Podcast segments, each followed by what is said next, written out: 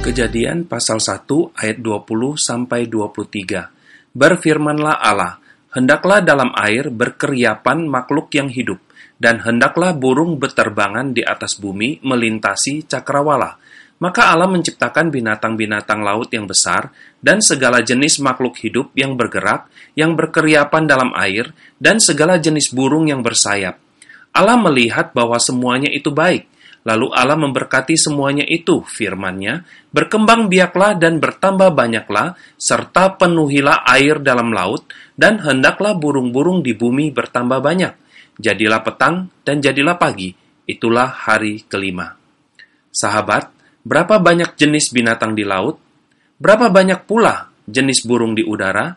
Besar kecil diciptakan Tuhan. Sebuah pertanyaan yang perlu kita renungkan Semuanya teratur dan tidak saling berebut daerah, tidak berebut makanan, tidak berebut pasangan, semua berjalan sesuai dengan mata rantai kehidupan yang sudah digariskan Tuhan, dan semuanya itu indah di mata Tuhan. Semuanya baik sehingga Tuhan memberkati dan memberikan perintah untuk memenuhi daerah mereka hidup.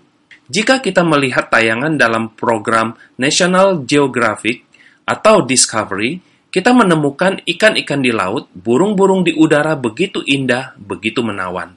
Satu hal yang mengenaskan, banyak dari spesies yang mulai punah, bahkan ada yang sudah punah. Mengapa? Tamak dan rakus yang hadir karena dosa menjadikan manusia bukan sebagai pemelihara, tetapi menjadi pemusnah, bukan sebagai penikmat, tetapi menjadi perusak dari ciptaan Tuhan. Kita mungkin sudah mulai menyadari bahwa dunia ini akan hancur, karena ulah kita sendiri. Pertanyaannya, masih dapatkah bumi yang mulai rusak ini diselamatkan? Jawabannya, sangat mungkin untuk diselamatkan. Kuncinya adalah, cintailah seperti Tuhan mencintai ciptaannya. Kiranya Tuhan menolong kita. Amin.